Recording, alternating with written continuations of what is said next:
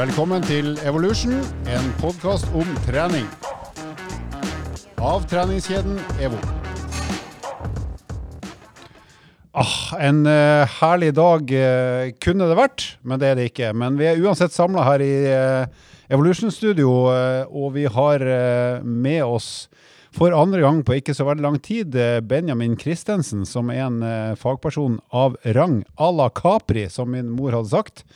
Uh, Innafor styrketrening, rehabilitering og etter hvert også kondisjonstrening. Eh, litt av det han har gjort, er bl.a. å skrive boka 'Sterkere', som kom ut for et par år siden. men Den er veldig aktuell. Eh, hvis du leser den og skjønner det, da kan du mer enn nok om trening for resten av eh, ditt liv. Uansett hvor ung eller gammel du er.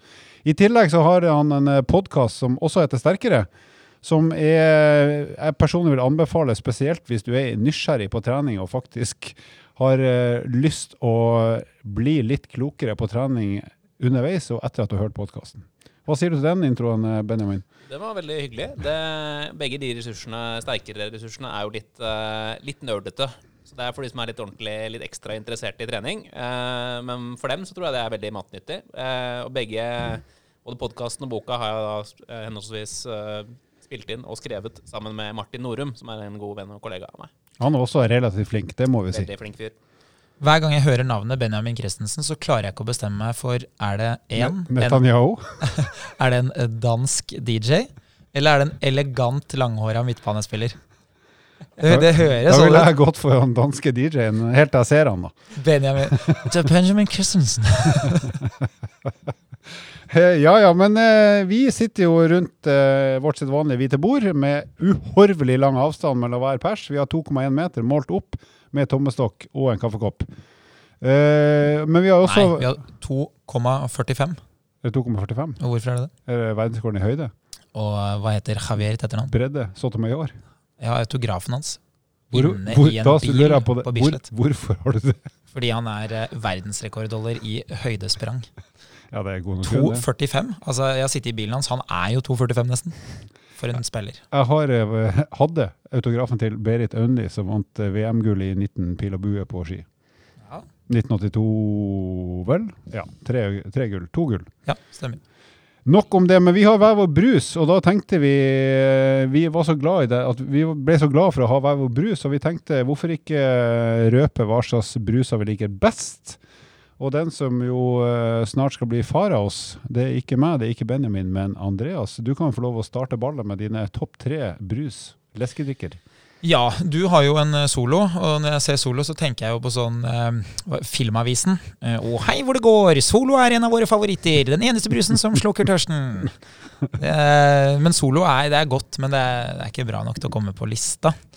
Eh, jeg eh, drakk eh, brus med sukker i alle år. Skulle aldri begynne med brus uten sukker.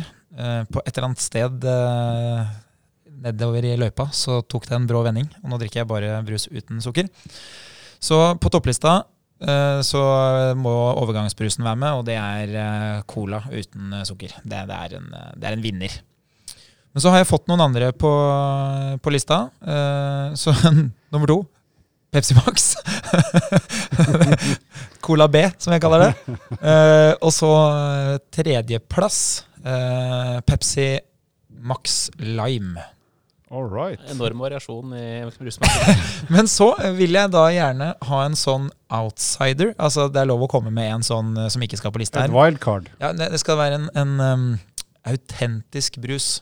Og da eh, vil jeg tilbake til den tida hvor uh, Brusshop, Roma Brusshop var liksom eh, en av de ordentlige utsalgsstedene, i hvert fall på Østlandet. Asina? Nei. Ja, Asina var, det var solobrusen. Ja, Solo. Så det var RC-cola. Men jeg skal til Villa. Oh. Den grønne med cruiseskipet på. Ja. Nei, sorry. Ja, Cruise jeg skal til. Den grønne. Cruise heter den. Men Villa, som da het Villa champagnebrus, det var min favoritt i mange, godt, mange år. Men Villa uten sukker, det får du meg ikke med på. Så derfor så Villa er egentlig på lista, men jeg drikker jo ikke med sukker lenger. Så den får ikke være med. Så, men krus, den grønne, i enhver barnebursdag, hvis du fikk den grønne med krus, da var du eh, MVP i bursdagsselskapet, altså. Men hvis du fikk den blå, da var du ute i neste Da var du øyelokk. taper. Benjamin, hva er dine tre favoritter, eventuelt flere, eh, når det gjelder brus? Ja, nei, men det skal være litt eh, starte med den enkle. Tredjeplass, Cola Zero. Mm. Eh, eller Cola uten sukker, som det heter nå. Eh, god brus. Eh, men jeg har sluttet. Jeg drikker ofte brus på kvelden. Og for min del så er jeg så pysete at jeg syns koffeinbrus på kvelden det gjør at jeg sover dårlig. Så jeg har slutta å drikke koffeinbrus på kvelden, så da er det veldig, veldig, gått veldig ned Pingle. på fronten. Ja, det er jeg helt enig i. Eh, men eh, nummer to, det er Mozell Light. Meget eh, god eh, eple, eple-pærebrus, eller hva søren Ja, jeg har sett uh, en del pensjonister som drikker Ja, det. nei, det, det er jo lett at du blir tvangspensjonert når du kjøper den ja, Er det. Men, går du, det ofte styremøter og spiser kaffe med knekk. Er det når du sitter og røker med dressjakka på? snitter og Mosel? Mens det første førstevalget er jo en kombinasjon av smak og økonomi. En veldig spesiell kombinasjon, men det er First Price uten sukker fruktbrus. Ja, men den, er, fa- det er, den støtter jeg. Den er faktisk overraskende god. 11-12 spenn eller Det er billigere enn vann. Hysterisk billig. Um, og smaker overraskende godt. Så den, eh, jeg tror det er en kombinasjon av økonomisk sans og smakssans som gjør at den er favoritten. Et lite sekund her trodde jeg han skulle spille inn taffel. Og vet du hva, hvis du spilte spilt inn taffel på lista, det er ikke brus, ass. Apropos den her mosellen din, så er jo eh, hun Ronja som eh, jobber på kontoret her, hun er jo fryktelig glad i den. Så når vi handler brus til kontoret, som vi jo gjør av og til, så må vi alltid ha en sånn Mozell-variant som ligger innerst i kjøleskapet, sånn at hun kan ha den å se fram til. Mm, Ja, det er en bra, bra brus, altså. Hvilken uh, vil du ha på Outsider. lista? Outsideren? Uh, Oskar Sylte. Ananasbrus. Light. Ja, den er Det er vel denne Moldes uh, Ja, store eh, Ikke sønn, men store busbarn. Har du vært for å trene? Har du vært for å trene, eller uh, brytrent? Ja, det er, eh, den eh, leverer bra, altså. Okay, det var Kjetil Rekdal som var helt superfan av det ikke det? Oskar Skilte?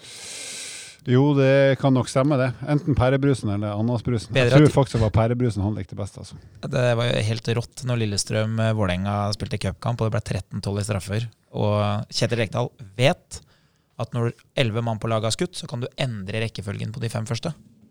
Altså du, Ja, du trenger ikke å skyte etter samme rekkefølge da, som du gjorde forrige gang. Så han eh, går bort til Panserhagen og så sier han det er bedre at de scorer enn at du bommer.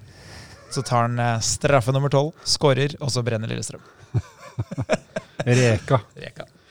Yes, eh, mine favoritter, da starter jeg på ja, jeg starter på tredjeplassen, her, og det er en Solo Super som jeg er i besittelse av akkurat nå. Den er nå halvfull og begynner å bli lunka, men den er fryktelig god. Den er frisk, som eh, jeg vektlegger. Og så har jeg en, selvfølgelig en cola-variant, men jeg har Pepsi Max Cherry, som var i Norge i en to-tre måneder i 2019. Som jeg uh, Den syns var smakte jo så vondt at den ble deportert. jeg syns den var ekstremt god, men det var åpenbart nesten bare jeg i Norge som syns det, for det forsvant. Ja, for vi andre forbinder det jo med sånn uh, håndsåpe eller et eller annet sånt. Det stinker jo. Ja, den, var, altså, den var så god at jeg har dratt til Sverige og kjøpt brett på brett på brett, men uh, nå fins den ikke der heller. Men til min store glede, når jeg var i Liverpool i fjor og fikk korona, det var altså i mars i fjor, uh, så på Liverpool mot et eller annet lag, eh, da hadde de jo den, den hadde de da i den der 7-Eleven-sjappa som var vegg i vegg med hotellet. Så da lå jeg og min sønn, som den gang var ti år, nå er han da elleve, hvis ikke jeg har bomma helt. Vi kjøpte, altså det her er da fredag til søndag, vi kjøpte åtte halvannenlitersflasker med sånn cherry, som vi da klarte å konsumere i løpet av fredag kveld, lørdag morgen, lørdag kveld, søndag togtur hjem. You got the fever, hey! Så det var König. Så den, eh, den er høyt oppe. Og så er det Ja, barndommen har jo uh, mye trist å by på, men også mye hyggelig. Og rødbrusen, da, eller eventyrbrus som det heter fra Nordlandsbryggeriet, det er, det er liksom Det er litt sånn som deg, Andreas. Det er nostalgi. Men det var så godt at det, det er ikke noe som kan matche det, tror jeg. Det eneste som er skuffende nå, etter at vi har oppsummert, det er at jeg var villig til å sette 100 kroner på at uh, Halvor hadde tabbe ekstra på lista si. Ja, men det er jo min runner-up. men det er jo for at det var den første sukkerfrie brusen som faktisk smakte brus.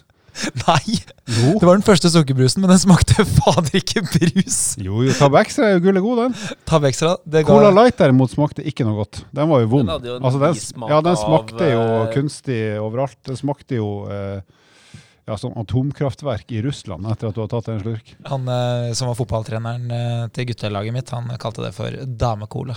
Ja, ja, det gjorde jeg òg, det. Veldig kjønnsmoderne. Damecola. Politisk 100% ukorrekt. Men eh, vi skal over til eh, et tema som ikke handler om brus, eller gjør det det?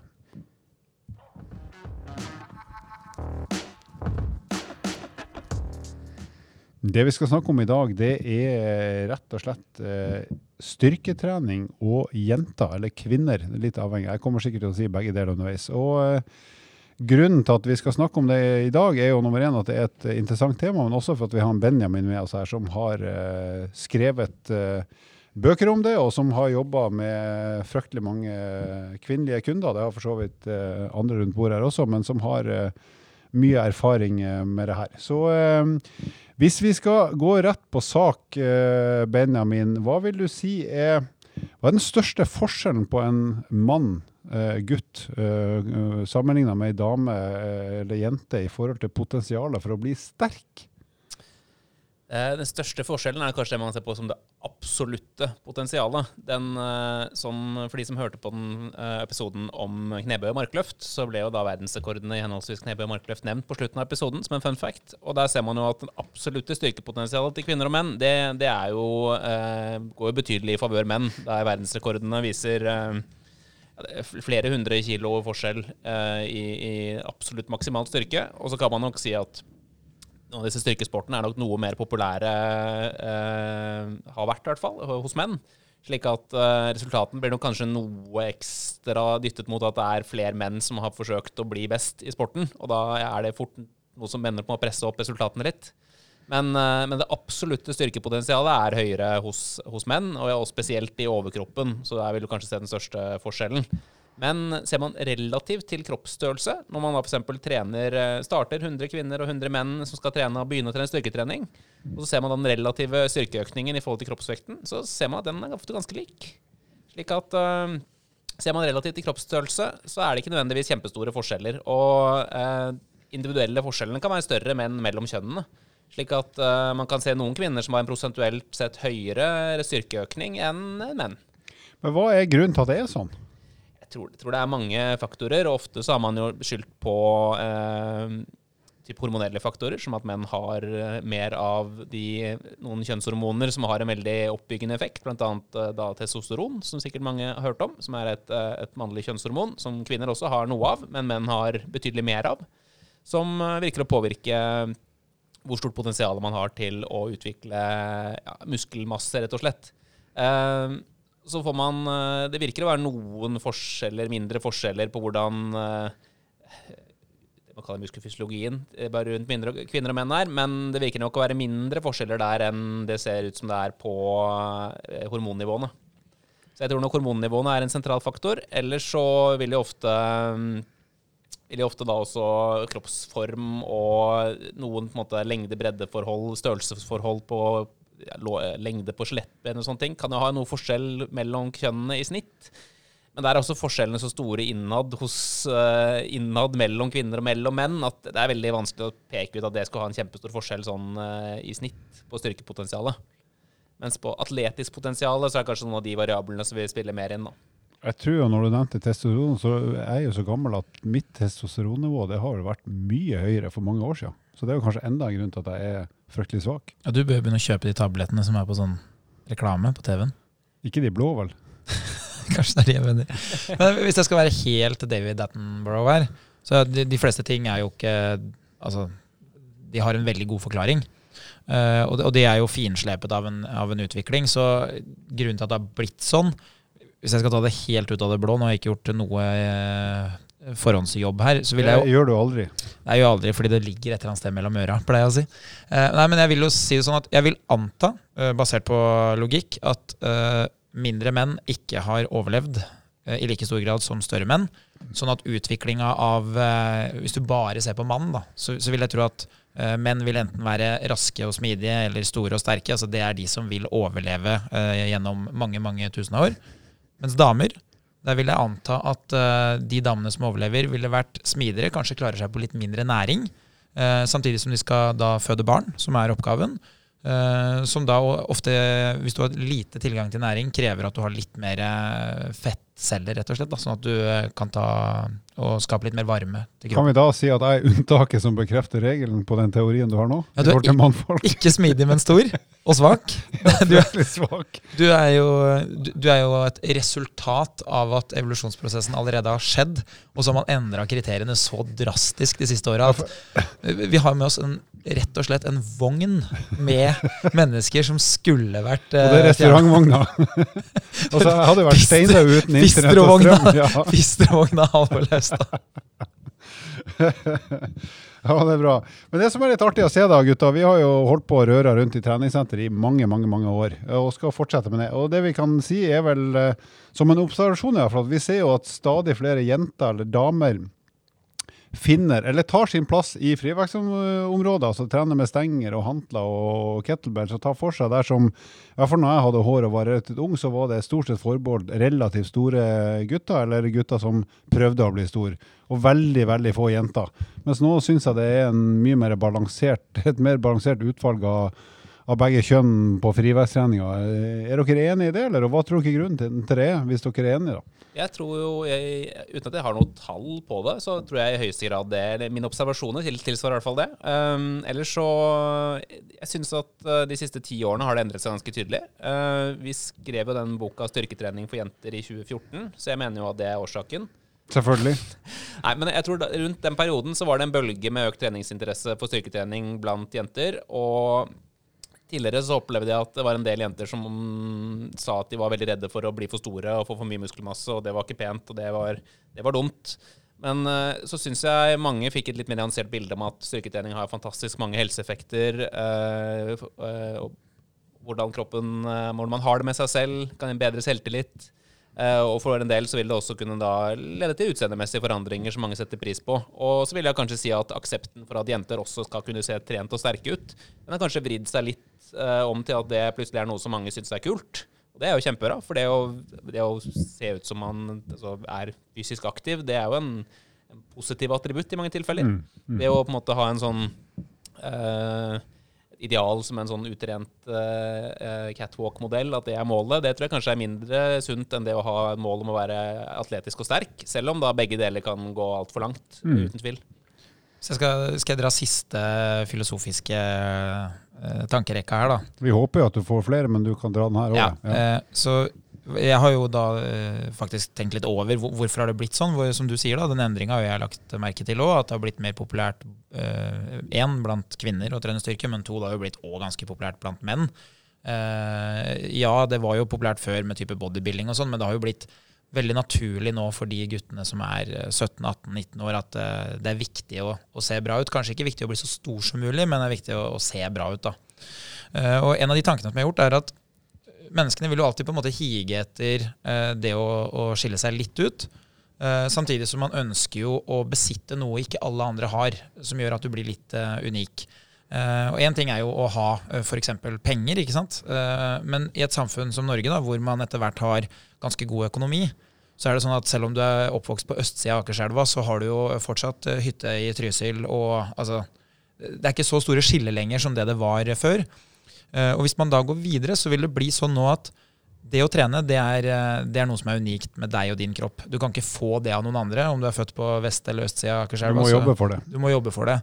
Så vil det bli sånn at det at jeg er godt trent, det vil bli et veldig tydelig tegn overfor alle andre at jeg skjøter kroppen min, og at jeg klarer å ta vare på meg selv. Og jeg klarer til og med å gjøre ting som er ubehagelige for meg, over lang, lang tid.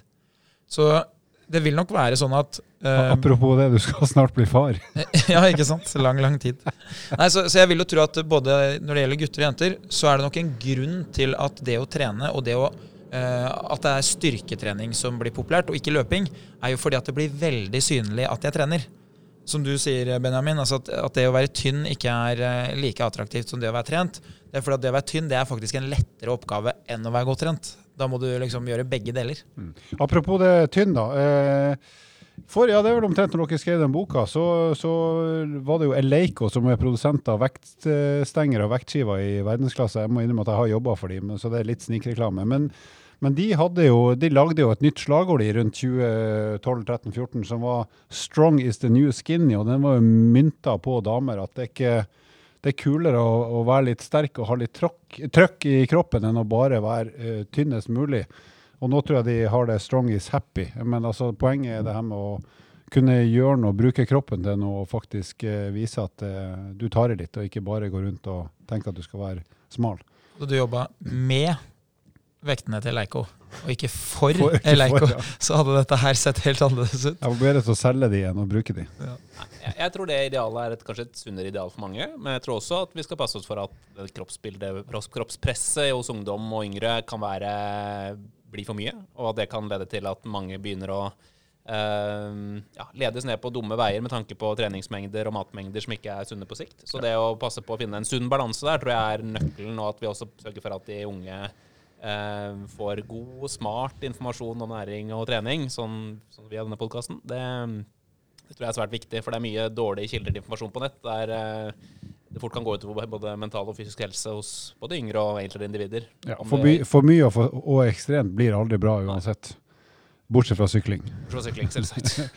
Men eh, ja, vi ser jo da, og det tror jeg vi kan være enige om alle tre, at vi ser jo da, når vi ser på eh, jenter eller damer som løfter, så, og det gjelder jo også på PT-kursene, PT-studenter, så syns jeg gjennomgående at de har god teknikk, god utførelse, de har fine bevegelser, og kanskje til og med litt bedre enn gutta i gjennomsnitt, er min observasjon. Har jentene noen fortrinn framfor gutta i forhold til det å utføre en del sånne frivektsøvelser? Det, det blir jo bare spekulasjon fra min side. Men jeg, jeg Det er derfor du er her. Er glad i å spekulere. Men jeg, jeg opplever at mange jentene jeg møter, har litt mindre ego på det å skulle ha mest mulig vekt på stangen. Ja. Det er en, som regel en egenskap som ikke er så dum å ta med seg. Fordi mange gutter er kanskje litt for opptatt av å løfte mest mulig vekter litt for raskt. Og skulle ta 100 i benken og skulle ta to, øh, 200 dit og ditt og datt. Og at vektene legges på fortere enn ferdighetene øker. Eh, og at eh, etter hvert, fremfor å sørge for at ferdighetene og evnene dine øker, så sørger du bare for å legge på mer vekt. Og ender opp med å gjøre øvelsen mindre effektivt, gjøre bare bevegelsen kortere. Og gjøre tilpasninger som gjør at du kan, løfte, du kan flytte mer vekt, men det er ikke nødvendigvis slik at det kommer til å gi deg mer treningseffekt. Så at det å skjønne at trening handler om å systematisk jobbe over tid og prøve å bli litt, litt og litt bedre, det har inntrykk av at det er flere jenter som kanskje skjønner at det arbeidet må legges ned på en smart måte, enn en del gutter som kanskje ønsker å bare legge på vekten fortest mulig. Det, der er du vel inne på noe som er liksom kjernen i det. Det er vel, det er vel kjent at eh, menn søker jobber som de tror de kan gjøre, mens kvinner søker jobber de vet at de kan gjøre. Så det er klart at en kvinne vil jo kanskje være litt bedre forberedt, eh, og, og kanskje være litt mer, litt mer ydmyk til eh, hva som kreves for å bli god i en øvelse eller å bli god i styrketrening. Mens en gutt kanskje kan være litt mer selvsikker i inngangen i, i styrketreninga, og kanskje, som du sier, da, legge på litt mer vekter enn det som er fornuftig. Bruke litt mindre tid på eh, det som vi var inne i eh, i forrige episoden, når vi snakka om, eh, om styrketrening. Liksom det å eh, bruke tid til å faktisk bli god til å gjøre øvelsen, og ikke bare jage på for at det skal bli tyngst mulig med en gang. Så, så det er nok en stor forskjell mellom gutter og jenter der. At, eh, at jenter er nok flinkere til å følge treningsprinsippene, mens guttene er mer opptatt av resultatet da, i mange tilfeller. Og så syns jeg også i tillegg til det, øh, det er også bare en observasjon, men jeg syns gjennomgående at øh, det virker som at jentene har litt bedre bevegelighet. Altså de har litt lettere for å kunne holde gode kroppsposisjoner i gjennomføringa, spesielt kanskje markløft og knebøy. Men det er mulig det Ja. Nei, Gjennomsnittlig så virker jo kvinner ha noe bedre bevegelighet uh, enn menn. Um, slik at, uh, som vi snakket om i denne episoden om markløft og knebøy, så er det jo slik at eh, knebøy og markløft stiller jo krav til grunnleggende bevegelighet. Som noen menn, spesielt kanskje oppe i din alder, Halvor, uh, begynner å slite litt med. Ellers så, så er det jo også motorikken motorikk, De motoriske kravene, altså koordinasjonskravene, er jo absolutt til stede i øvelsene. Um, og ja, en del, uh, kall det idretter som typisk kanskje har vært typisk sånne gutteidretter, som, eh, som igjen nå blir, begynner å bli mer kjønnsbalansert. Da. Med fotball eksempel, så er ikke det en veldig motorisk krevende idrett. Mens ting som tidligere har vært sett på som typisk kanskje kvinneaktiviteter, som på en måte si eh, eh, Turn og dans. ja, turndans, R, R, RG, heter det? RS og kunstløp Ja. og dart og, og biljard. Skillelinjer viskes jo kanskje noe Ja. ut med tiden, men, uh, men at de sportene er jo sporter som krever langt mer kroppskontroll og koordinasjon. Um, slik at Kommer du fra en slik bakgrunn, så vil du nok ha veldig mye enklere for å lære deg disse øvelsene enn om du kommer fra fotball, f.eks. Uh, og det, der har jeg jo erfart praktiske forskjellen mange ganger på gutter og jenter. Akkurat som du sier, at det er vel stor sannsynlighet for at jenter kanskje har dansa. Eh, og det de lærer seg da, er jo akkurat det med, med litt eh, bevegelse og motorikk som gjør at de har et fortrinn. Og eh, en av de tingene som jeg har observert, det er noe som heter bekkentilt. Altså når du flytter bekkenet fram og tilbake. For den som ikke har peiling på hva vi snakker om nå. Så hvis du f.eks. steller deg på, på knæra og på hendene, altså du står på alle fire, eh, og så gjør man sånn type skal jeg si det riktig. Krum og svai rygg. Ja, ku, ku og katt.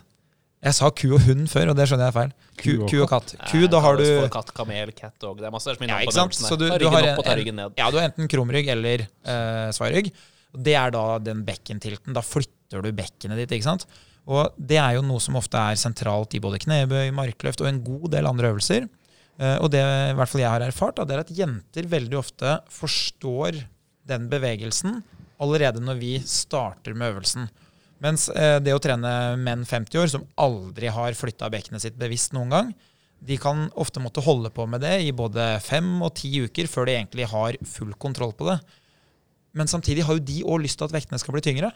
Så for en jente så er det liksom naturlig å legge på tyngre vekter, for de har allerede på en måte klart steg én. Mens guttene de har lyst på steg to, men de har ikke beherska steg én ennå. Så det, det er i hvert fall en sånn erfaring jeg har gjort, at eh, akkurat den bevegelsen kan være litt seigere hos mannfolk. da. Så det å uh, få litt kontroll på bekkenet, gutter, det kan være en smart uh, sak. Ja, og så få menn ned på gulvet og skal gjøre ku-katt eller uh, camel dog. Ku-katt, si meg, det gir ikke mening. Se, se for deg en katt som skyter rygg, og så ser du Ja, for deg en ku. katt, men jeg kan jo skyte rygg sjøl. Et menneske gjør da det like godt som en katt.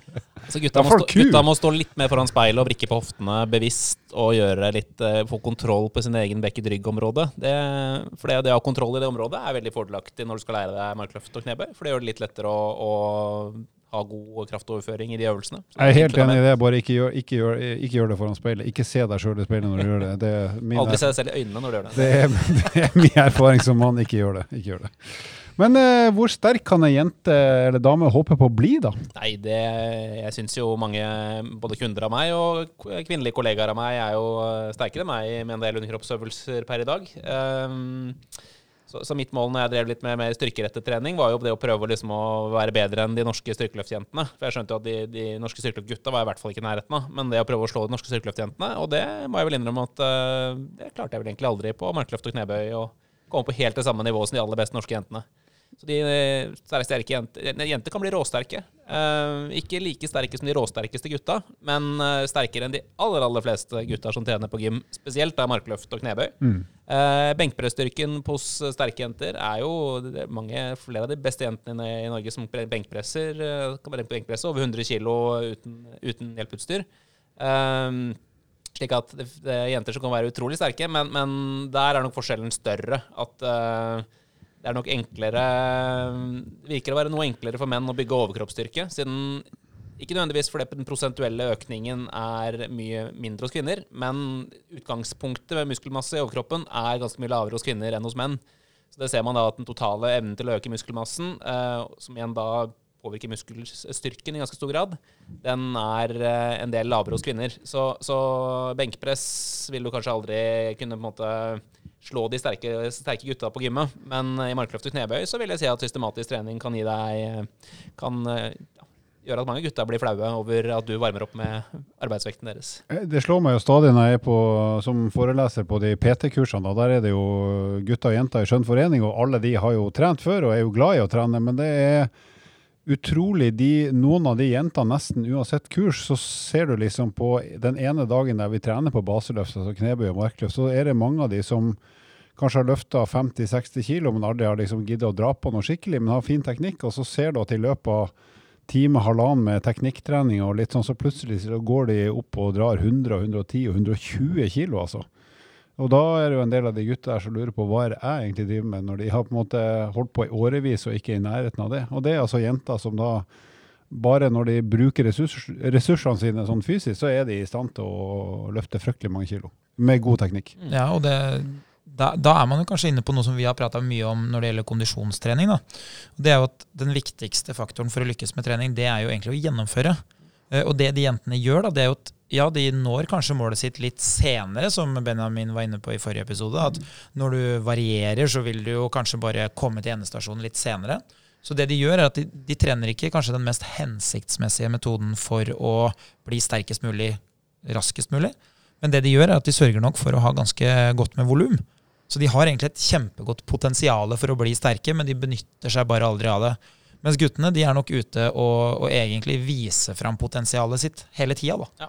Nei, så, så, På samme måte som hos gutter, eller ja, generelt mennesker, så er det slik at det er stor forskjell på ulike individer. Så noen jenter vil jo ha en veldig veldig høy respons til trening. At de ved ganske enkel, enkel trening der man legger på litt og litt, vil bli ganske sterke ganske raskt. Mens andre måtte jobbe veldig mye mer for det. Og sånn er det for alle. At vi er litt ulike. Og, men det viktigste for å bli bedre med din kropp, eh, og sånn du er, det er å jobbe systematisk over tid. Og legge stein for stein og gjøre et godt grunnarbeid. Eh, og det å ha kontinuitet i treningen. Det har jo jeg gjort i årevis, Benny, men det hjelper jo ikke. Ja, nei, men de, de steinene du bygger på, er jo laget De er morkne alt sammen. Det er sant. det er sant. Bare synker sammen. Men det er jo en sånn uh, fin greie da med, med, trening som jeg har uh, observert. Og det er jo som, som Benjamin sier, at det, det, er veldig stor forskjell på utgangspunktet. Uh, jeg kan ha mannfolk som kommer inn hvor jeg klarer ikke å se på de hvor sterke de er i benkpress. de har aldri løfta benkpress før. og da kan de legge seg ned. En kan ta 70 kg, og en kan ta 30 Altså en, en, vanvittig forskjell, egentlig, selv om det høres lite ut. Men hvis de trener systematisk i to år, si at de trener seg til et maksløft på 100 kg, så vil de etter det tidspunktet ofte ha veldig lik relativ styrke, avhengig av om de har fortsatt å trene, om de har slutta å trene. Så idet man på en måte si, gjerne har tukla med hvor sterk man har vært, da, at man har trent systematisk, så vil man oppføre seg ganske likt i ettertid. Det vil selvfølgelig være variasjoner, men ikke i nærheten av så store variasjoner man har eh, som utgangspunkt. Og det skyldes jo at utgangspunktet er jo bestemt av hva du har drevet på med som barn og ungdom, og der kan det jo være kjempeforskjeller, litt ubevisst. da. Ja, man ser at det liksom, hvor sterkt du er i utgangspunktet, er ikke alltid en god eh, fakt Det bestemmer ikke alltid hvor sterk du kan bli. Så det at du ser at du starter på lette vekter og føler deg svakere enn en venninne eller en, en, kompis, kanskje, eh, det betyr ikke at potensialet ditt nødvendigvis er lavt. Uh, Bortsett fra på Halvor, da, der er potensialet alltid er lavt. Men, uh, man ser jo da Det er ikke noe vits å snakke om potensial engang. Man må begynne der man er, og så kan man likevel, selv om man ser at å, stangen er tungt i den øvelsen, så kan du fortsatt ha et veldig stort styrkepotensial om du jobber aktivt over tid. Så, så den uh, Ikke døm din uh, potensialet ditt ut fra utgangspunktet. For det kan iblant være Noen som ikke har trent så mye styrke, kan være kjempesvake i utgangspunktet, men få kjemperesultater når de trener systematisk over tid. Bra. Eh, du nevnte litt i stad det her med benkpress, at der er det litt større forskjell på gutter og jenter. Og en ting som slår oss ganske ofte, og som jeg vet irriterer veldig mange jenter, det er det her med å klare å ta pullups eller hangups. Hvorfor skal det være så forbaska vanskelig å klare å løfte sin egen kroppsvekt eh, med armene og ryggen når man klarer å løfte bøttevis i både knebøy og markløft? Hvorfor er det sånn? Hvorfor er det så mange jenter som sliter med å klare den ene pullupen eh, uten å få hjelp? Det, det spiller nok inn på det at kvinner har noe over, lavere overkroppsstyrke enn menn i utgangspunktet. Uh, og at man da må løfte sin egen kroppsvekt. Når du da ser at kvinner også har noe høyere naturlig fettprosent enn menn, slik at fettmassen man bærer fra naturens side skal være høyere hos kvinner, så gjør det at den fettmassen kan jo ikke hjelpe til å trekke deg opp. Den må du løfte, løfte opp. Det blir bare ekstra vekt. Som gjør at, da, at kombinasjonen av de to faktorene gjør kanskje at kvinner har en litt dårligere utgangspunkt for å være sterk i chins og pullups. Men uh, jeg, jeg, har trent mange jenter som har klart det uh, veldig bra. Så veldig mange jenter kan uh, med systematisk arbeid over tid nå klare å ta pullups. Og jeg vil si at um, per nå så er kona mi sin pers i chins er bedre enn hva jeg Betydelig bedre enn hva jeg klarer i dag. Hva klarer du i dag? Jeg vet at jeg klarer 12-13 stykker. Hun har ja. tatt 16. og hun Det er sterkt. Hun er nesten like høy som meg og har i hvert fall ikke lange armer, så det er ingen unnskyldninger å ta tak i. Det, det, det, er jo en sånn grei ting. Jeg har jo fått det spørsmålet mange ganger, jeg òg. Jeg er jente, kan jeg få til det her? Uh, og det jeg pleier å si, er at mest sannsynlig, det vi kan anta, det er at du er lengre unna å ta én. Så det kan godt hende at vi må trene en god del før vi klarer én, enn f.eks. en gutt. Men fordelen er at idet du har klart én, så er veien til to veldig, veldig kort. Og idet du har klart fem eller seks stykker, så er du på en måte ferdig med det at du hadde et, et dårlig utgangspunkt. Da er man egentlig på like vilkår som alle andre. Så det som ofte kan være liksom motivasjonsbøygen for en del jenter, er jo at man er litt langt unna én. Mm. Og det er jo akkurat det samme vi har, vi har babla om i forhold til eh, løping. ikke sant? At uh, Grunnen til at løping uh, for mange er uh, kjedelig, eller det som egentlig heter kjipt, at det, er, eh, at det er tungt, det handler jo bare om at man er et godt stykke unna å ha stor nok kondisjon, eller god nok kondisjon, til å kunne gjøre det sammenhengende. Og her handler det om styrke. Du, du er faktisk litt for svak i forhold til hva du veier, men det er veldig trenbart. Mm. Men du må bare gidde å stå i det i en periode. Ja. Da, da syns jeg det å bruke, det å bruke nedtrekksapparatet en god stund i starten eh, Jeg opplever at det å kanskje bygge seg opp til å kunne ta fem repetisjoner på 75% av kroppsvekten sin Klarer du det i nedtrekk, så er du veldig klar for å begynne å øve på chins-varianter med litt hjelp. Eh, så kanskje det når du begynner å nærme deg 75, så kanskje begynner bare på å øve på å henge i stang, på å henge i stangen. eh, Ja, hold deg fast med hendene, fast med hendene, hengende fra stangen, og prøve liksom å bli bedre på å henge. For det, er jo, det, må, du, det må du jo kunne før du skal gjøre chins. Mm. Og så kanskje, når du da når dette nivået rundt eh, 75% i nedtrekk, så finne det grepet du er sterkest i. Være seg underhåndsgrep, håndflatene mot hverandre eller håndflatene fra deg. Finne grepet du føler deg sterkest i. Og begynne å trene det med en form for hjelpemekanisme. Det kan jo da være en smart festet strikk, det kan være en sånt hjelpeapparat. Eller at du får et skyv av en når, korona er over og vi kan stå inntil hverandre igjen, at du får et skyv knæ, under knærne av en bekjent. Og, og trene gjerne da både den chins med hjelpevariant gang, noen par ganger i uka, og kanskje nedtrekksvariant i tillegg. Og så legger stein for stein, prøve å bli litt og litt bedre. Så, så vil mange oppleve at uh, de kommer dit til slutt. Om det tar uh, ett år etter du begynte å trene, eller om det tar fem, så vil jeg oppleve at mange kan klare det. Men eh, jeg skal ikke være så teit å si at alle kan ta chins. Det, det tror jeg ikke Det er ikke, det er ikke en menneskerett. Det er ikke en menneskerett. Eh, men, men mange med systematisk arbeid over tid kan nå det. Noen når det mye, fortere. Og det er jo spesielt da hvis du er veldig lett, så vil jeg si at da har du nok en kortere vei. Om du naturlig har en ganske lite fettmasse på kroppen og er lett, og like, også responderer ganske raskt på styrketrening, da har du kanskje de beste forholdene. Ehm, og, og, og noen er sånn, og da, de har fordeler der, på samme måte som hvis du er to meter høy, så vil du ha fordeler i andre, andre sporter, i basket f.eks. Og det, det er jo det man kanskje ikke alltid tenker over, fordi man måler seg med noen man kjenner. Men, men akkurat det du er inne på der, er en sånn grei tanke òg. Det kan godt hende at det at jeg er dårlig i chins, eller at jeg har et dårlig utgangspunkt for det, Mm. det er jo det samme som gjør at jeg egentlig er 20 kilo sterkere i knebøy enn noen andre jeg kjenner. Vi har jo alle ulike potensial i ulike øvelser, og så kan alle bli bedre. Men eh, man skal ikke stikke under stol at vi er, litt, eh, vi er litt forskjellige med hvilke øvelser vi kanskje har størst potensial i. Jeg kom jo akkurat på en tabbe jeg gjorde i, under sommeren, sommerferien 2016. Jeg har jo datter som, eller to døtre, men eh, hun ene har vært veldig ivrig på ski, og i 2016 så var hun tolv år gammel. Så da tenkte vi skulle begynne med litt sånn hangups, pullups-varianter, bare for å trene litt til det å kunne bruke stavene på ski. Så da sa hun at hun skulle få 10 euro per eh, hangups hun klarte på slutten av den toukersferien i eh, Portugal, tror jeg det var. Så hun eh, dro altså, Hun klarte tre dag én, og på dag 14 så var hun oppe i 23 sammenhengende uten sånn her kipping. Så det ble eh, 2300 Hvis hun har så gode, så gode gener, hvordan endte du opp eh, sånn? Jeg kan ikke være faren. Du har ingen Det er. Det er det samme som leggene mine. Et Ja. eller annet sted der så skjedde det Men det er sånn hinsides utvikling. Klart hun har åpenbart et talent for det, sånn både i forhold til eh, muskelstyrke og kroppsvekt og alt det der, men allikevel er sånn ekstrem Hvis du bare gidder å trene litt på det. Nå fikk hun mye gratis sikkert, men allikevel. Det, Fikk mye gratis, ja. Hvis jeg fikk 23 ganger 10 euro, så Ja, fikk jeg jo fader meg hun fikk jo ukelønn et år opp på ei uke. Fikk jo et halvt feriebudsjett der. Hadde ikke råd til flybilletten hjem. Hun måtte sykle hjem. Men eh, hvis vi skal se litt større på det, hvis vi tenker oss, hva er, hvis vi ser på styrketrening da, for eh, begge kjønn, hva er de viktigste grunnene til å gjøre det, hvis vi glemmer at man kanskje har lyst til å se ut på en eller annen måte, men hva er poenget? Hvorfor er det lurt, smart, viktig å trene styrketrening? Jeg vil si at uh, faktisk en av de første elementene, og faktisk spesielt for kvinner, uh, det er beinmasse. Benmineraltettheten vår. Ja. Den uh, responderer ganske positivt på å belastes. Skjelettet blir sterkere av å belastes over tid, slik at det å systematisk gjøre noe som er tungt for skjelettet vårt, det gjør at man får et sterkere skjelett. Og spesielt om du begynner med det allerede i sen ungdomstid, så virker det å påvirke din på måte, maksimale benmassen din. Og hvis du begynner med det senere, så virker det som at det bremser fallet i benmasse, som vi alle når etter hvert. Og siden kvinner har en større sjanse for eh, benskjørhet, så ser man at da det er kanskje enda viktigere hos kvinner å sørge for at man har et stimuli til skjelettet.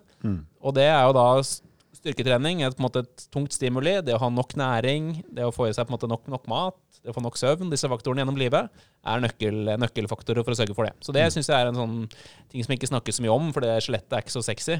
Men det, det er knallbra. Ellers er jo da faktorer for uh, hvordan det påvirker mental helse, og, og hvordan vi har det med oss selv. Det syns jeg er gull, uh, et gullkort, som der man ser styrketrening har positiv effekt. I tillegg så har man de typiske tingene som det å bygge muskelmasse, som får oss til å kanskje fungere bedre i hverdagen og livet, det at vi kanskje kan prestere bedre i noen idretter, og det å sørge for at vi har en muskelmasse som bærer oss gjennom livet, og at vi sitter igjen med mye, mest mulig muskelmasse og styrke når det begynner å gå nedover. Uh, sånn rundt halvårsalder. Ja. Jeg skal jo dø Jeg skal jo dø med mye muskelmasse. Da kan jeg ikke bruke den lenger, men det hadde vært litt kult. Nei, men det, jo, det å måtte bære med seg styrke og muskelmasse og, og være fysisk aktiv opp gjennom årene, det er gull verdt. Og det å begynne det tidlig, det syns jeg er en knallbra faktor. Jeg pleier jo av og til å ha en sånn Kall det en sånn liten heispitch. Da? Du, du får ett minutt her nå mens heisen går, til å forklare meg hvorfor du skal kjøpe det som jeg selger. Da. Det er sånn uh, standard, uh, standard. Og, og, det er jo ofte sånn hvis du har en, uh, en, person som har blitt medlem på et treningssenter, og du som personlig trener har en time, så kan det være greit å på en måte kunne liksom noen sånne enkle måter å forklare hvorfor du bør gjøre de valgene du skal gjøre. Og Veldig ofte så får jo jeg de spørsmålene her av folk hvis jeg er på ferie og sånn. Så kan det hende de spør meg du, hva bør jeg gjøre, hva bør jeg trene. Og Da pleier jeg å si at hvis du skal være ordentlig ordentlig knallhard i valgene, liksom, hvis du sier jeg, du får bare lov å gjøre én ting, så ville jeg trent kondisjon. Fordi kondisjon det er eh, grunnleggende for å kunne leve. Det er sjølve livet. Ja, ikke sant? Så Du må ikke trene kondisjon for å leve, men hvis du skal velge én ting som vil være en god forsikring for å kunne leve lenge, tren hjerte og lunger. Men det som kan skje hvis du bare velger det, det er at du kan hende at du får ganske mye vondt. Det kan hende du har ganske mye problemer hvis du bare har valgt kondisjon, mens du har en fysisk krevende arbeidshverdag, eller et liv hvor du er nødt til å gjøre en del oppgaver Her. Jeg kan godt hende du får vondt både i knær og skuldre og rygg. Så selv om du har trent kondisjon og du lever lenge, så kan det hende at det er litt kjipt. Mm. Så Derfor så kan det være smart å velge styrke. Så den hovedårsaken til at du skal trene styrke, som jeg pleier å, å selge inn, da, det er gjør noe som er litt tyngre enn det du gjør til vanlig, sånn at det du gjør til vanlig, ikke er en maksslitasje. Så hvis du f.eks. da er nødt til å løfte litt ting på jobb, eh, si at du jobber et sted eh, på et lager eller en butikk hvor du er nødt til å løfte en del kasser fra bakken og sånn, det hadde vært en kjempefordel hvis kroppen din én gang i uka, to ganger i uka, løfta kanskje så mye som opp mot dobbelt så tungt, så ville egentlig kroppen din vært kjempegodt rusta for å gjøre den jobben. Akkurat som at jeg kan løpe veldig fort i en liten periode, så betyr det at det er veldig lite slitasje for kroppen min å løpe veldig rolig i en liten periode. Så det kan jeg gjøre veldig ofte uten at det egentlig er noe kjempeslitasje for meg. Og hvis alle hadde tenkt sånn at ok, jeg skal gjøre en del styrkeøvelser fordi at jeg skal ikke ha den der kjempebelastninga hver gang jeg gjør vanlige ting, så ville man ha kommet veldig veldig langt. Og det gjelder jo både gutter og jenter. Absolutt. Så det er liksom sånn, det, det, er egentlig veldig enkelt hvorfor man skal gjøre det. Og da når man tenker hva skal jeg gjøre, gjør noen enkle styrkeøvelser som trener mye av kroppen, og gjerne at de er litt tyngre enn det du gjør til vanlig. Så hvis du løfter 15 kilos kartonger på jobb, da løfter du 30 eh, kilos kartong på treningssenteret. Da er du veldig godt rusta for å ikke ha vondt i livet. Ja, så rett og slett eh, styrketrening gjør deg mer robust, ja. både i skjelettet og muskulatur, og egentlig kanskje i topplokk òg. Absolutt. Og så har det positive effekter på, for å forebygge en del livsstilssykdommer som er ganske utbredt i befolkningen. Så det å, både relatert til hjerte-karsykdom og andre måte, metaboliske sykdommer, diabetesrelatert bl.a., så er det å trene styrketrening eh, positivt. Både om du eh, er i diskogruppen for å få det, eller om du til og med allerede har den typen mm. sykdom, så vil det å, i samråd med legen da, eh, drive med styrketrening, vil ofte være veldig nyttig. Altså da mener jeg at opplegget, sånn eh, smart opplag for ethvert menneske er jo løping, knebøy, benkpress. Ja, jeg vil si gjør noe som er Eller noe tilsvarende. To ganger i uka gjør du noe som er tungt, og trener, trener de store muskelgruppene med noe som er tungt og anstrengende. Prøv å legge på litt og litt over tid.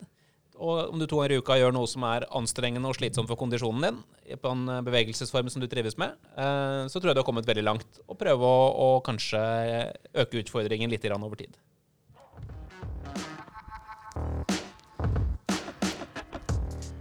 Den lyden her betyr at vi har kommet eh, over til ukas spørsmål. Og det kommer fra ei som heter Else, som har sendt inn til oss. Hun spør eh, hvordan påvirker menstruasjonssyklusen eh, min yteevne i styrketrening? Er det noen rundt bordet her som har et svar til henne? Litt personlig erfaring, Mm. men, eh, men jeg møter jo en del Jeg jobber jo en del med kvinner som jeg trener. Og man har jo en del et innblikk i litteraturen rundt hvordan styrketrening av kvinner fungerer. Men man skal også innrømme at vi vet jo litt for lite om kvinner og trening. Det er, mange, det er en del studier på kvinner, men det er veldig mange er gjort på menn. Og så ser vi at noe av det er ganske overførbart fra menn, mens noe av det er kanskje litt mer usikkert. Og rundt menstruasjonssyklus så vet man da at naturlig nok vil jo forskning på menn vise oss ganske lite om de faktorene. Nedslående resultater. Ja. Det, det, da vil jo forskning på menn si oss veldig lite. Så det virker som at eh, både potensialet til kanskje styrkeutvikling og, og styrkefremgang varierer litt gjennom syklus.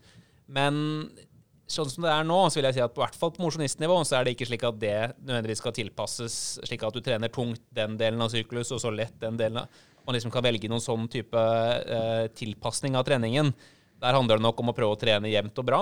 Og så opplever jeg kanskje at det i litt større grad, om man har mye smerter relatert til den, den perioden, eh, smerter og ubehag, så kanskje at man må tilpasse den treningsuken noe mer. Og kanskje velge litt at man, hvis man vet at man har mye smerter og mye ubehag, så kanskje øh, kvalme eller et eller annet slikt, så kanskje man er øh, roer ned trening litt den uken, justerer noen øvelser som man vet at ofte ikke funker så godt den uken. Um, så at man er litt flinkere til å tilpasse treningen til hva som kjennes riktig ut, det, det tror jeg er en, øh, noe de aller fleste bør sikte seg mot. Og spesielt om man vet at man, man har mye ubehag i den perioden. Ehm, så smart treningstilpasning tror jeg alltid er klokt, men det for liksom å justere treningen for å bli sterkest mulig, at det skulle ha noe å si der, det, det vet vi for lite om per i dag.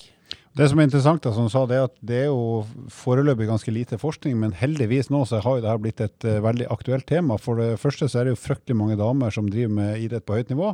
Selvfølgelig, og heldigvis.